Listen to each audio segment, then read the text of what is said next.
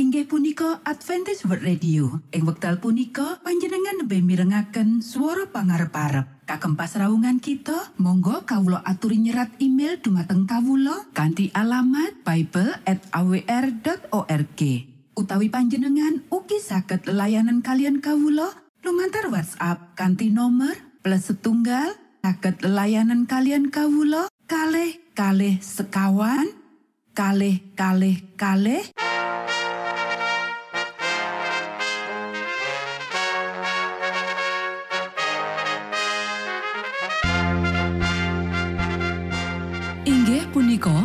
Adventist World Radio ingkang giaran kanthi basa Jawi. Tentrem Rahayu kula aturaken kagem para mitra kinasih ing pundi papan lan panggonan. Sugeng pepanggian malih kalian Adventist World Radio. Kanti bingahing manah Kulo badi sesarengan kalian poro mitra kinasi. Lumantar saperangan adicara ingkang sampun rinonci. Mligi kagem panjenengan sami. Mugi giaran punika saged migunani tuwin dados berkah kagem kita sedoyo. Sugeng midhangetaken Gusti amberkahi.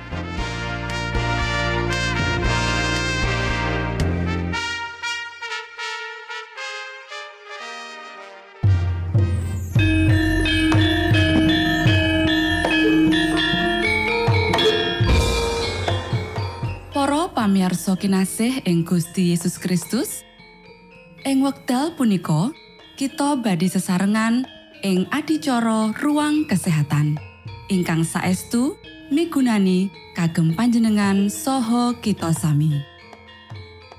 Tips utawi pitedah ingkang dipun aturaken ing program punika tetales dawuhipun Gusti ingkang dipunnyatakaken ing kitab suci.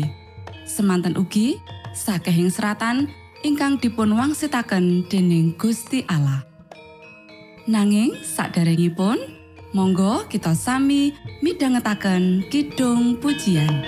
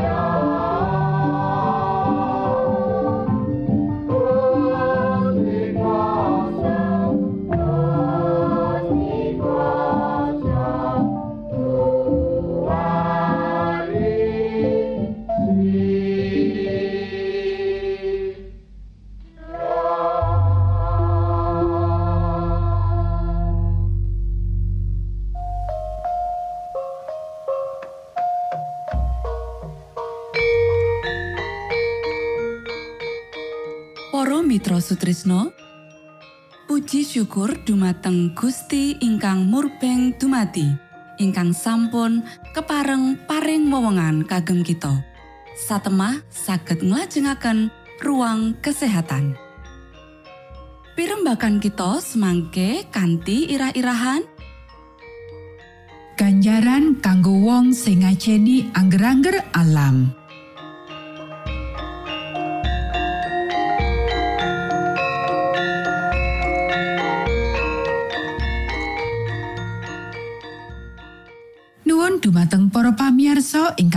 Kinurmatan, sugeng pepanggihan malih kalian kula Isti Kurnaidi ing adicara ruang kesehatan. Ing dinten punika kanthi irah-irahan ganjaran kanggo wong sing ngajeni angger-angger alam. Para sedherek ingkang kinasih, amarga ngajeni pangrumate weteng sing sakmestine, kita entuk opah yaiku pikiran sing lantip lan kuat. Ojo alat-alat pencernaanmu rusak saturune wektune nganti kowe nyoto salah. Kita kudu ngajeni kewasisan sing Gusti paringake kanthi mangan, sinau, lan makaryo kanthi wicaksana. Kewajiban sing kudu kita tindakake ya iku kanggo ngopeni badan sak bisa-bisane supaya napas kita resik lan ora mambu. Kita perlu ngajeni reformasi kesehatan, becik kanthi omongan utawa tindakan, lan mantolake cahya padang marang wong liya ngenani pasinaon iki. Para sederek, pengaruh opo sing digawa dening mangan kakean marang lambung?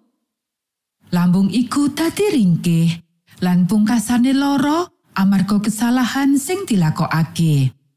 Menawa saben wong nandang leloro sadurunge, mula sansaya kangelan lan saben dina tenagane saya kurang.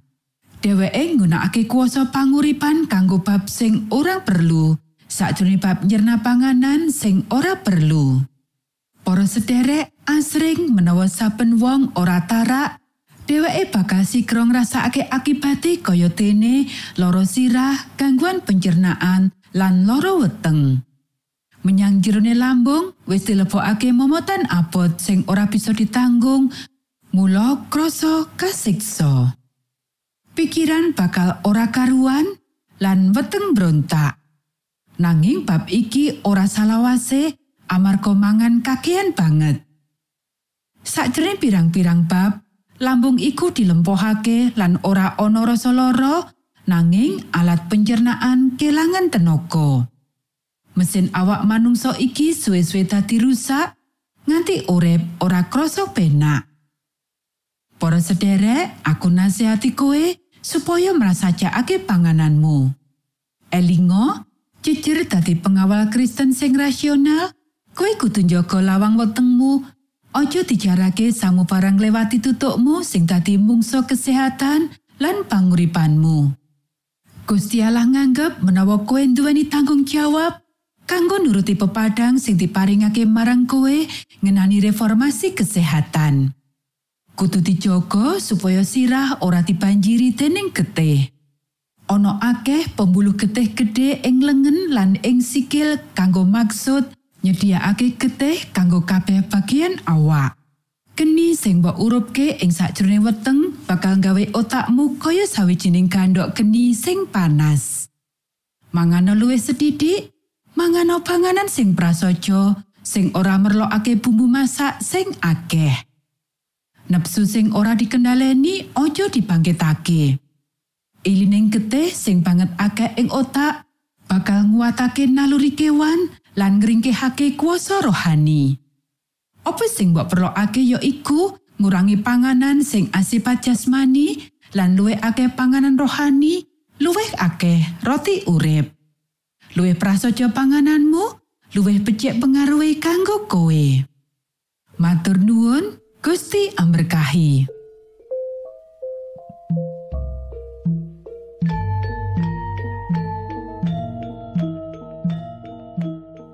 Cekap semanten pimbakan ruang kesehatan ing episode dinten punika. Ugi sampun kuatos jalaran kita badhe pinanggih malih ing episode sak lajengipun.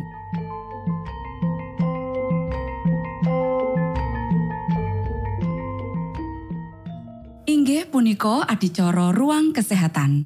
Menawi panjenengan gadah pitakenan utawi ngersakaken katerangan ingkang langkung, monggo kulo aturi kinton email dateng alamat ejcawr@ gmail.com utawi lumantar WhatsApp kanti nomor 025 pitu 00 songo songo papat 00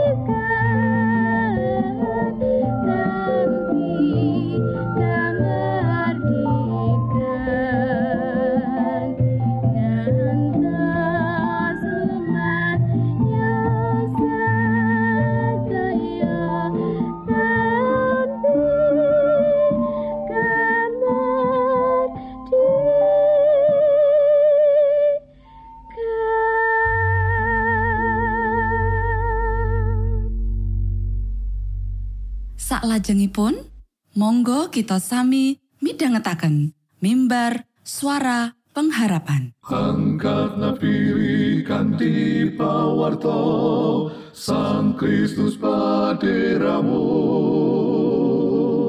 Pro umat samyo puji asmanyo Sang Kristus paderamu Inggih punika mimbar suara pengharapan.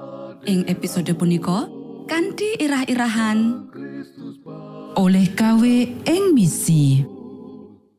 Sugeng tondo Sang Kristus paderamu ilmu kawero tambah tambah. Sang Kristus paderamu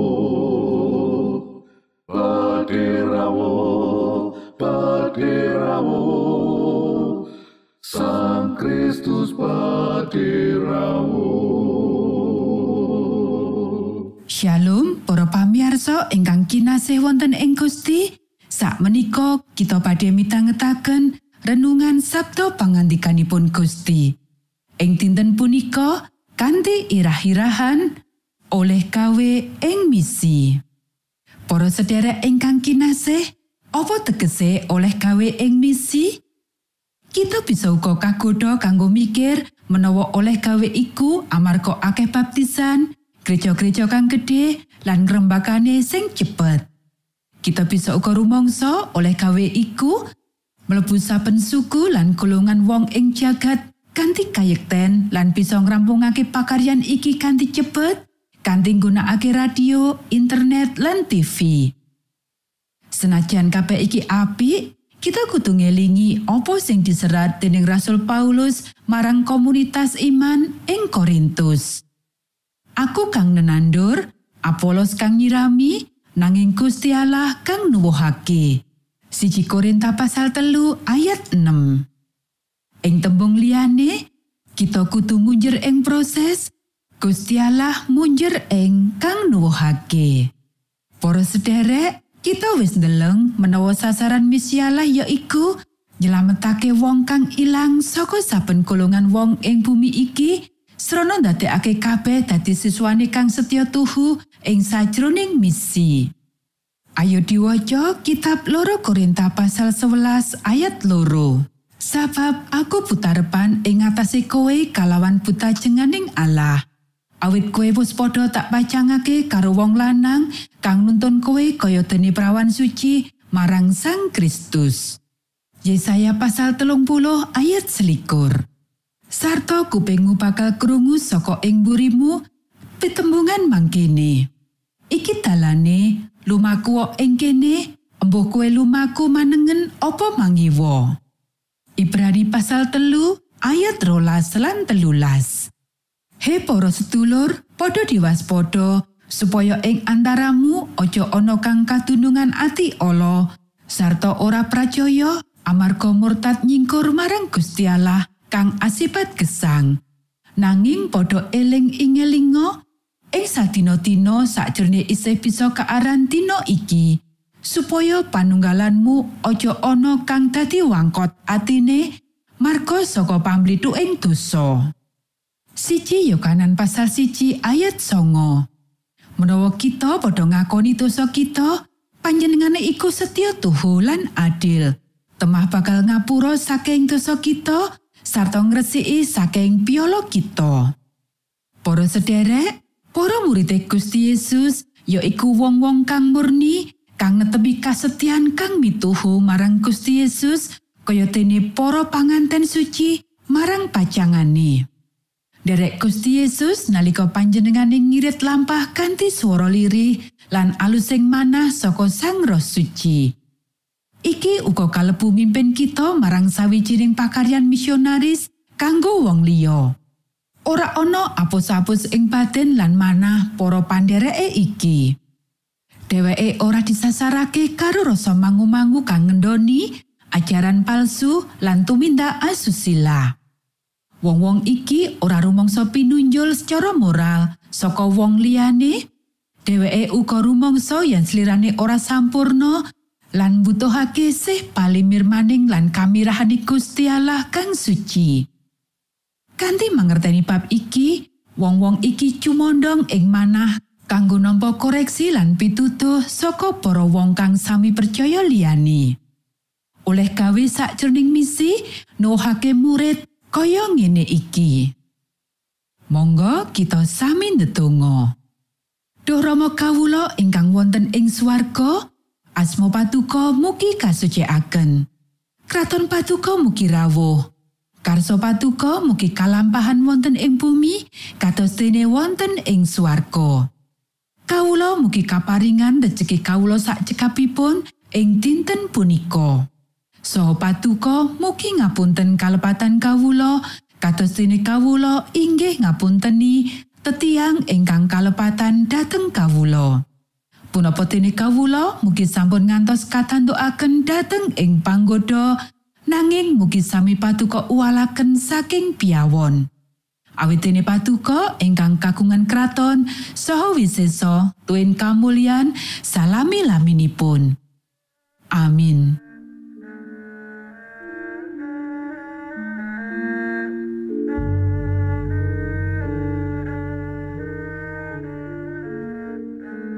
Para Mitra Sutrisno pamiarsa kinasih ing Gusti Yesus Kristus. Sampun paripurno pasamuan kita ing dinten punika.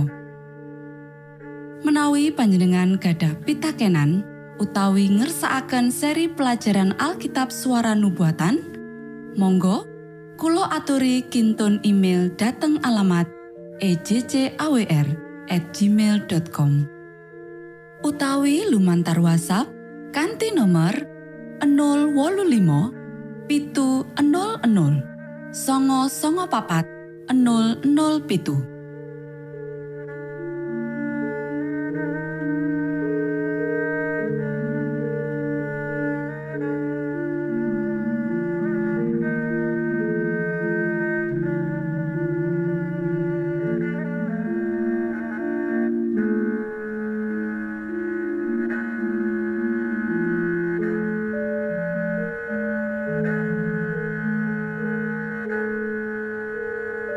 pitu Matur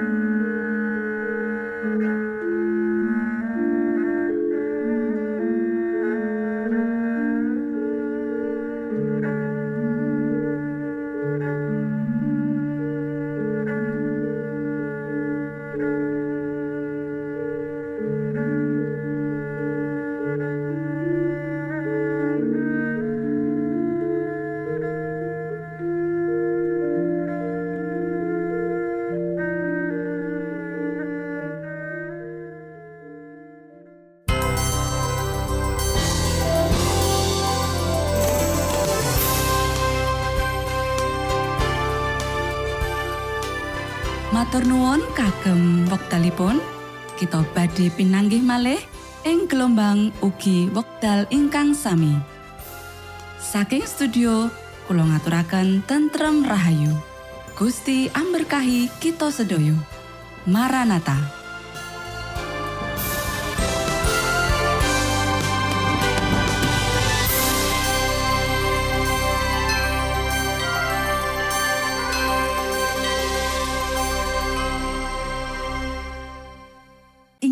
Punika Adventist World Radio. Ing wekdal punika panjenengan lebih mirengaken suara pangarep-arep. Kagem pasraungan kita, monggo kawula aturi nyerat email dumateng kawula kanthi alamat bible@awr.org.